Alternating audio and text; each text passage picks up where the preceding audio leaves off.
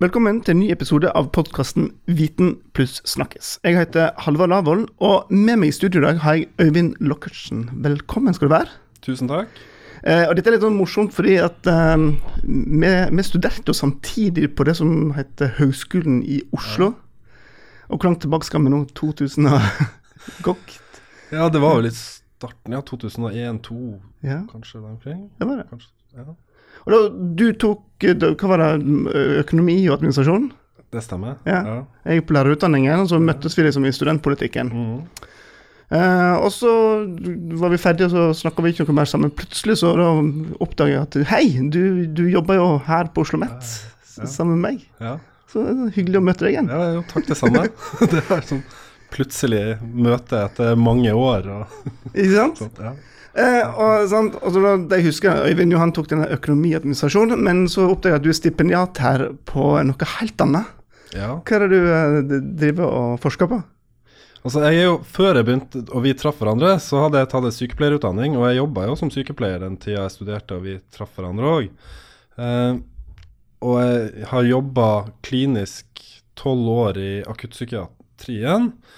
Og nå holder jeg på med en doktorgrad innenfor den retninga, så jeg har liksom tatt eh, veien fra, fra psykiatri og med master i psykisk helsearbeid, og holder på med en doktorgrad i helsevitenskap nå, der jeg forsker på eh, aggresjon og vold i akuttpsykiatriske avdelinger, Mm. eh, som er tema og forsøk på å videreutvikle og bedre voldsrisikovurderingsinstrument i forhold til hva man har i dag. Mm. Det skal vi komme litt sånn nærmere inn på nå. Ja. Um, men, men det jeg lurte på, altså dette er jo alvorlige tema. Mm. Uh, og det første jeg lurte på da, når du snakker, snakker om akutt Ja. uh, psykiatrien her, altså hva er definisjonen på akutt psykiatri? Fordi at jeg, jeg tror mange av de som hører på her, som ikke er inne i fagfeltet, har noen bilder av uh, Mm. psykiatrifeltet, men, men når blir det akutt, og når er det ikke det?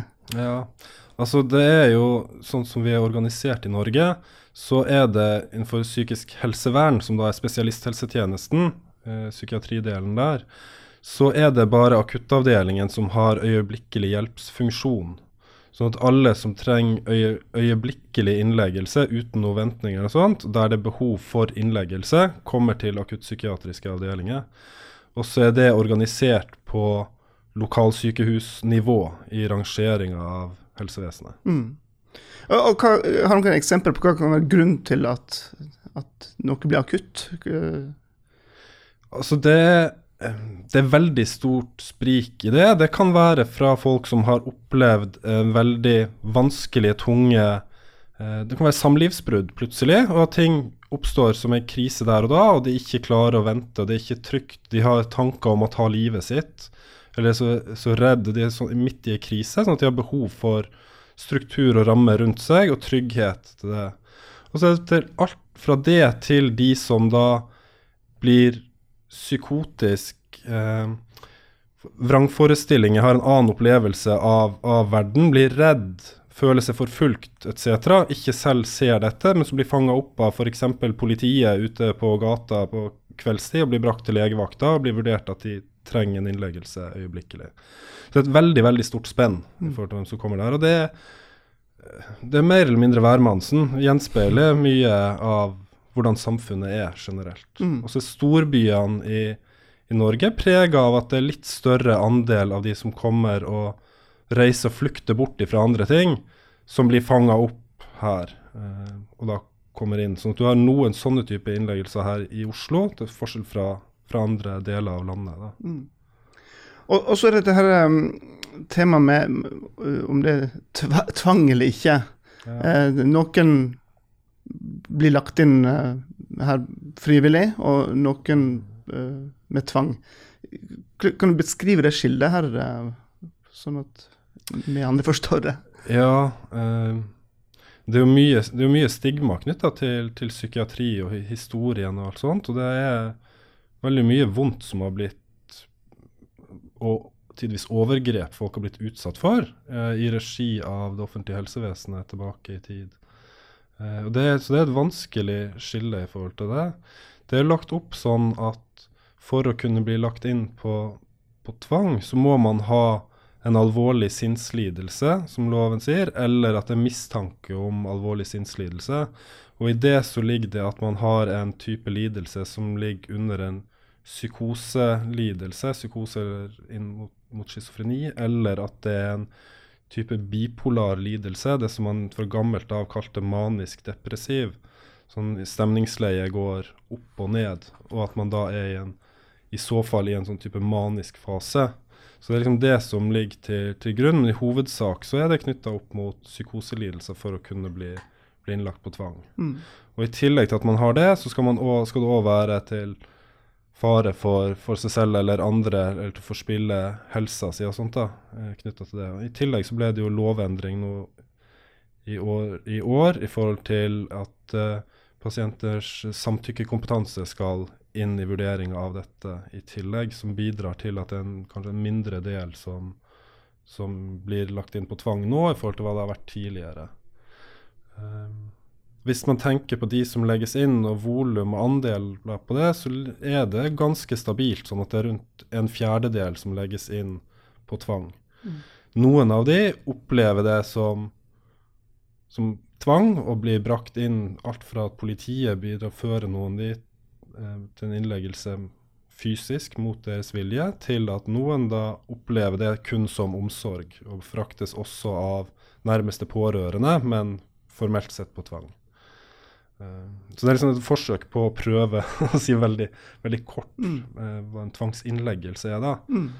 Uh, men tvang er jo så mye mer òg, fordi at man kan òg ha det handler om tvang under innleggelse, og noen er også underlagt tvang og tvangsbehandling etter utskrivelse. Skjønner. Men det er på en måte litt annet. Mm, mm. Og, så, for å komme litt inn på det du nå har forska på, det, så er det dette med, med den risikovurderingen som helsepersonell gjør da i, eh, på sykehuset på eh, den psykiatriske avdelingen. Eh, fortell meg først litt hvordan var det du kom inn på dette temaet og begynte å, å, å valgte dette her som forskningsfelt? Ja, det, det kommer jo fra den kliniske erfaringa mi, og der jeg syns det ble både skummelt Jeg var redd på jobb noen gang, eh, og skjønte ikke Altså, noen utøvde vold mot personalet eller mot medpasienter. Eh, og hva gjør det med oss? Det er ingen, ingen, helsepersonell som er ansatt for å stå i sånne situasjoner, eller har utdanning til det, for å stå i sånne situasjoner med, med andre mennesker. Eh, og det, jeg opplevde nære kollegaer som ble utsatt for alvorlige voldshendelser på jobb, som ga stor ringvirkning for de privat. Mm. Uh, og det etter hvert så prøvde jeg, ble engasjert og prøve å jobbe med hvordan kan vi som helsepersonell som jobber der da, hvordan kan vi bli flinkere til å møte denne gruppa.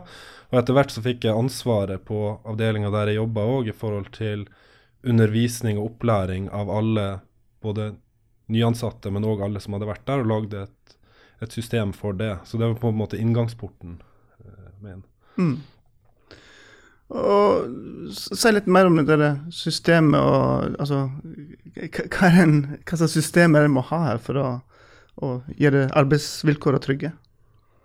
Altså, eh, som psykisk helsearbeidere så bruker man jo, til forskjell fra ellers i helsevesenet, så bruker man seg selv stort sett som, som instrument. Man har ikke så mye annet enn det. Så det betyr at hvis det er en, en vanskelig situasjon, en truende situasjon, så er det jo helsepersonell selv som prøver, jeg prøver å være instrumentet og prøver å fremst å kommunisere på en sånn måte at pasienten eller personen man møter da, blir både tryggere, min, mindre aggressiv.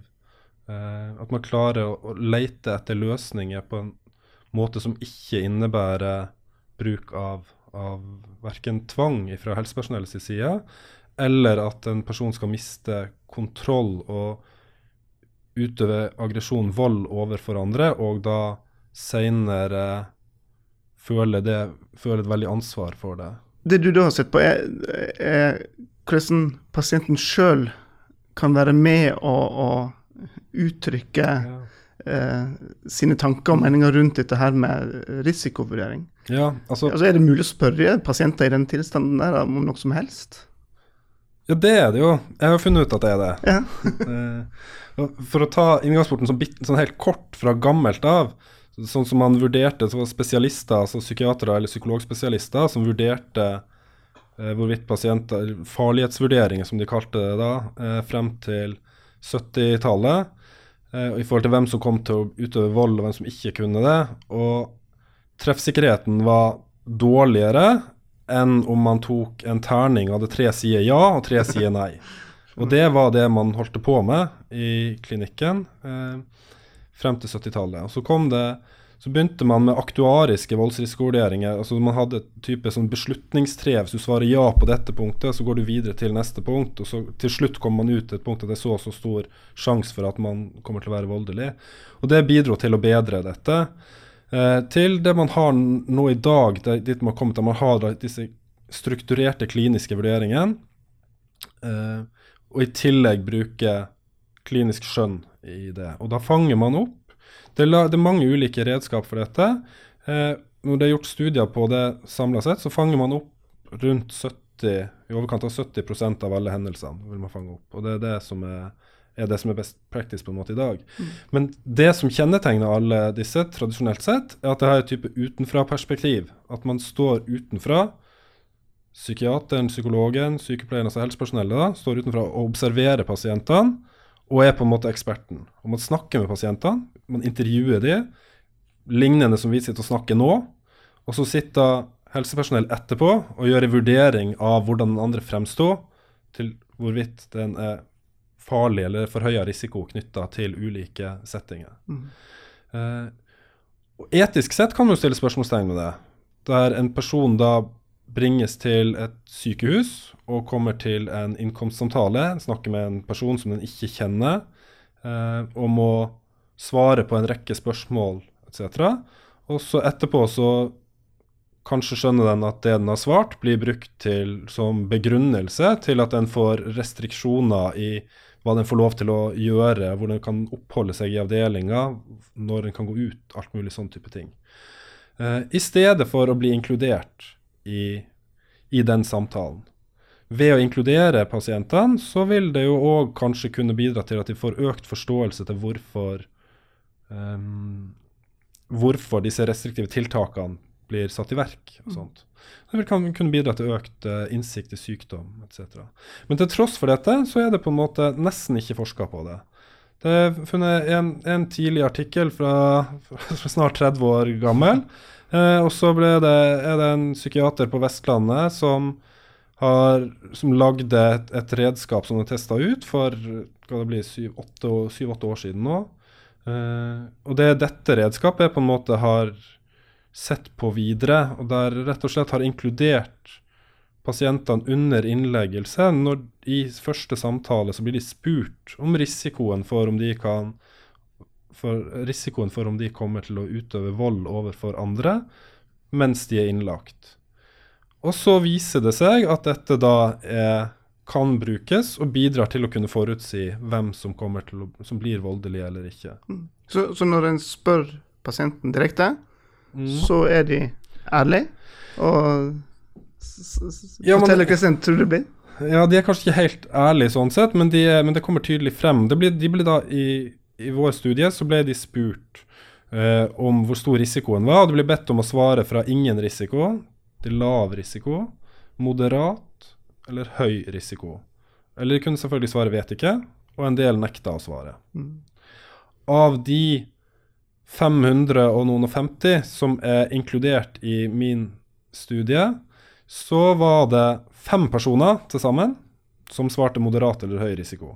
Så man kan ikke si at de er helt ærlige. Eh, men det var 8,5% som svarte 'vet ikke'. Og det var 10% som nekta å svare på spørsmålet.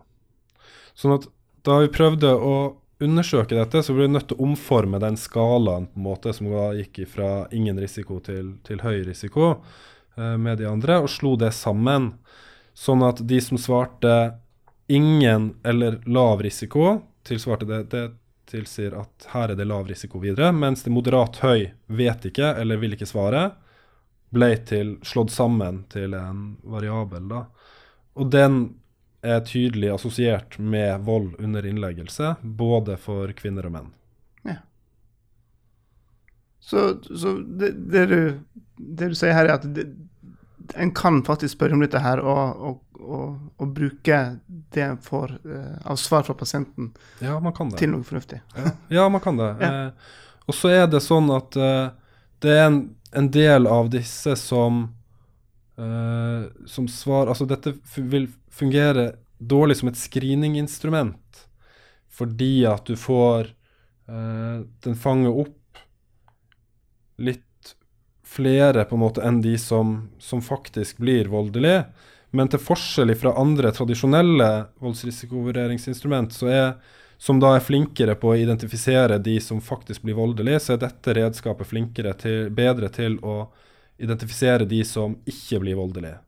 Så det kan hende at ved å legge til dette redskapet til andre instrument, så bidrar man, bidrar man til å fange opp flere av de som man er sikker på at ikke kommer til å bli voldelige. Som igjen bidrar til at færre, kan bidra til at færre personer blir utsatt for urettmessig tvang eller restriktiv behandling. Til gode for både pasient og helsepersonell. Ja, ja. Absolutt. Men er dette du kaller det redskap, altså er dette her i bruk i dag i, i helsevesenet? Det med å, å spørre pasienten? Dette er, ikke, dette er, ikke, standard i helsevesenet i Nei. dag, dessverre.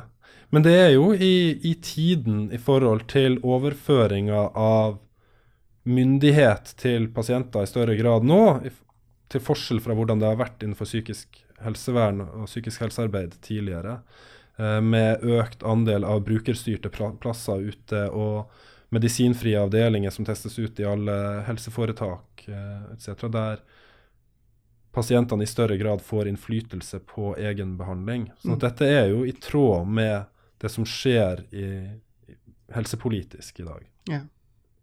Så, så, var du inne, når vi snakka før opptaket, her om at det var det var også noen kjønnsforskjeller eh, som du oppdaga i studiet ditt. Ja. Det er ganske stor forskjell mellom kvinner og menn på dette i det utvalget eh, vi har da. Sånn at også når det er kontrollert for at folk er innlagt på tvang, og for kvinner får man òg kontrollert for de som har en historie med vold. Så for kvinner der kontrollert for begge de tingene, så er de som da svarer moderat, høy, vet ikke eller nekter å svare, de er over fire og en halv gang mer sannsynlig at de kommer til å utøve vold, fremfor de som svarer ingen eller lav risiko. De samme tallene for menn, så er, så er det på to og en halv gang. Nettopp. Eh, så det er ganske stor forskjell. Så konklusjonen er altså Ja, konklusjonen. Det er, sånn. altså, det er jo forskning tidligere som viser det at menn tenderer til å være mer impulsive enn kvinner. Mm. Det er også forskning videre, tidligere som viser at under stress så er menn i større grad villige til å ta mer risiko, mens kvinner under stress reduserer sin risiko. Og hvis det er altså en innleggelse på en akuttpsykiatrisk avdeling, hvor denne studien er gjennomført, så er personer under stress. Og hvis det er sånn at menn da under stress er villige til å ta mer risiko, og de blir mer impulsive, så bidrar det kanskje til at de òg er mer tilbøyelige til å overse sin egen opplevde forhøya risiko for å skade andre. Mm. Men det er vanskelig å kunne si, si sikkert, og det er lite, lite forskning knytta til dette, så det er noe som bør utforskes videre. Mm. Og Det er òg noe som bør utforskes videre, hvor, hvorvidt dette enkle redskapet da kan slås sammen med, med andre redskap, eller bruk, hvordan det kan brukes sammen med andre redskap eller instrument for å vurdere vold hos andre. Mm. Så Nå sier du gjort lite forskning. Du, du har da Nå er ikke jeg noen forsker, men når du sier fem, over 500-550 eh, pasienter inne i, i gruppa di her, mm. så har jo du gjort i grundig forskning på dette. her, men og, Det er jo ikke noe risiko å sette i gang og teste ut dette verktøyet som, eller redskapet, som du sier. altså det er vel bare å, å, å, prøve det ut. Det, det, det, kan ikke gå på bekostning av noe annet i helsevesenet, skulle en tro. Det her koster ingenting å sette i verk, annet enn 30 sekunder i en samtale med hvert møte med en ny pasient som legges inn. Mm. Uh, det som kanskje bør undersøkes videre i forhold til dette, er jo ikke sant, Nå er den, dette gjennomført akkurat i første samtale mellom pasienten som er brakt til sykehuset, og den legen som har vakt og tar første innkomstsamtale. da. Sånn at man kjenner jo ikke hverandre i den situasjonen man er i. Eh, og det kan hende at hvis spørsmålet hadde blitt stilt på et annet tidspunkt under sykehusoppholdet, så hadde man fått andre typer svar, og pasientene hadde vært mer ærlige, siden, som du spurte om, om, tidligere. og sånt. Men dette er jo sånt som kanskje burde undersøkes videre. Likevel er jo noe av det som argumenteres for å gjøre det med en gang, er det faktum at rundt en tredjedel av alle hendelser med vold i akuttpsykiatriske avdelinger skjer de ca. tre første døgn etter innleggelse. Mm. Sånn at å vente lenge, så betyr det at man ikke får, kan bruke det i, i forhold til de, den viktigste tida. Da. Mm, mm. Litt tilbake til denne pasientgruppa her. altså, Er dette her, er dette farlige mennesker? Eh, altså, er det å være psykotisk, er det, er det skummelt for seg sjøl og omgivelsene? Tradisjonelt sett så er det jo fra gammelt av så er det mye stigma knytta til det å ha psykoselidelser, schizofreni, eh, som er en av de mest kjente av de da. Og det har vært lagd masse filmer, eh, og det har vært mye i media som setter likhetstrekk omtrent mellom å være psykotisk og være farlig. Eh, og uten å kontrollere for noe helt annet i det hele tatt, så er det sånn at de som har psykoselidelser eller schizofrenilidelser, er fem ganger mer sannsynlig at de kommer til å bli voldelige. Eh, men enn en, normalbefolkninga. Ja, ja. men jo mer man kontrollerer for, jo mindre blir de forskjellene. Og det er nyere studier som viser at det ikke finner forskjeller ja. I det hele tatt. Og det som er funnet som er forskjeller med de som har psykoselidelser, så er det spesielle typer symptomer i så fall, som handler om det å bli føle seg trua, veldig affektstyrt av andre utenfra, eller å føle at man blir en brikke i et spill etc. Sånn at man føler at man ikke har kontroll over egne eh, egne handlinger. Så det som er, er mer forbundet med, med, vold, er snakk om rusbruk. Og da i samfunnet generelt så er det alkoholbruk som er sterkest sammenfatta med, med, med, vold. Og det handler jo om at eh, volum Altså det er langt flere som bruker eh, alkohol enn andre rusmidler, selvfølgelig. Og så er det dyssosiale personlighetsforstyrrelser, altså, som, eller antisosiale, som betyr at Altså det er mennesker som har dårlig evne til å, til å ha empati med andre. Dårlig evne til å se, se ting fra andre ståsted. Uh, mer selvsentrert, egoistisk, uh, fiendtlig overfor andre, etc. Mm.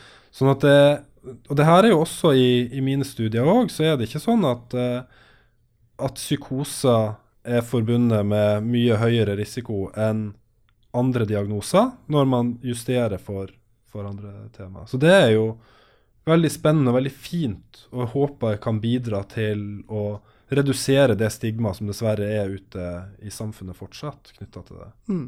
Det høres ut som en, en, veldig viktig jobb og et budskap å, å få ut der. Det er jo veldig, det er veldig, veldig synd, tenker jeg, at mennesker som opplever, som blir som gjennom en psykose kan være, bli kjemperedd etc. Og eh, at det i tillegg da skal følge med tanker fra andre om at de da automatisk er farlige. Mm. Eh, sånn, at, som om de ikke blir straffa nok med det, den opplevelsen gjennom det de, det de, går igjennom, den krisa de står i. Mm. Men du Øyvind, nå, uh, nå, nærmer du deg vel på en måte slutten av uh, prosjektet. her. Du skal skrive ja. litt artikler, og så, hva du sa ute på vårparten, så er målet å være ferdig? Ja, jeg skal være ferdig før sommeren. Ja. Eh, jeg har en artikkel nå ute som er på, til vurdering, som går på ett instrument som vurderer nært forestående vold. da.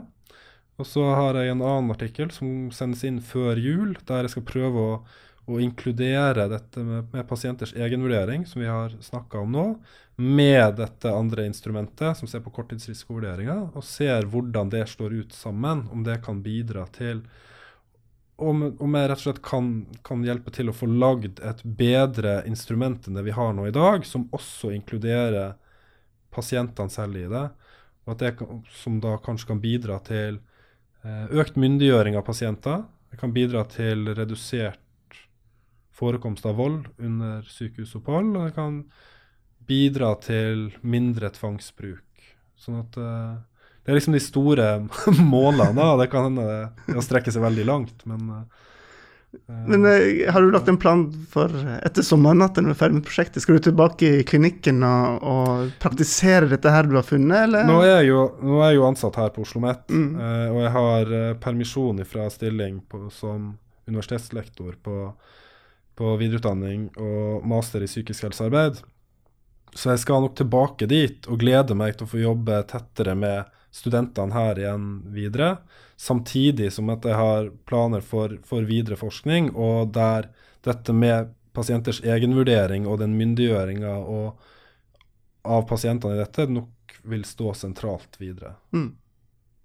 Det høres ut som du har en viktig jobb med å altså Nå har du gjort forskningen, men òg å formidle dette her funnene funnet en ting til studentene du skal du tar imot, men kanskje òg ut, ut, i praksisfeltet? Ja, det er jo kanskje den aller viktigste delen av det. Én ting er jo å få formidla det ut til eh, tidsskrift som det er en liten andel som, som leser, kanskje. Mm. Eh, noe annet er jo å klare å formidle det ut til de helsearbeiderne, det helsepersonellet som jobber tett i klinikken knytta til dette hele tida. Mm. Og det er jo absolutt på, på plan til å klare å jobbe sterkere med. og det vil være, Når jeg er ferdig med, med doktorgraden her, da, så vil det òg bli noe mer tid til å skrive den type publikasjoner som retter seg mer mot, uh, mot et bredere publikum. da. Mm. Øyvind Ågersen, eh, tusen takk for at du kom her og fikk fortalt litt om eh, spennende studie, og viktig studie. Tusen takk for at jeg fikk komme. Ja, og så får du lykke til med innspurten. Det, det er mørketid og god tid til å sitte inne og skrive, vet du. ja, det er god tid til å skrive. Det er heldigvis ikke så mye annet som skal gjøres. Bare, bare, bare, litt familiære ting og sånt. ja, ja, ja. Jeg har full forståelse, regner jeg med. Tusen takk, i hvert fall. Og takk til dere som hørte på. Hvis du er interessert i dette temaet her, så gå inn på nettsidene til denne podkasten. Der legger vi lenke til uh, det Øyvind har skrevet fra før av, og der kan du legger vi ut et fint bilde av Øyvind og til eh, ansattprofilen hans, så kan du lett komme i kontakt med han hvis du lurer på noe mer om dette temaet her. Og så må du huske å abonnere på podkasten, for da får du neste episode automatisk rett ned i spilleren din. Og så er det bare å si ha en videre god søndag.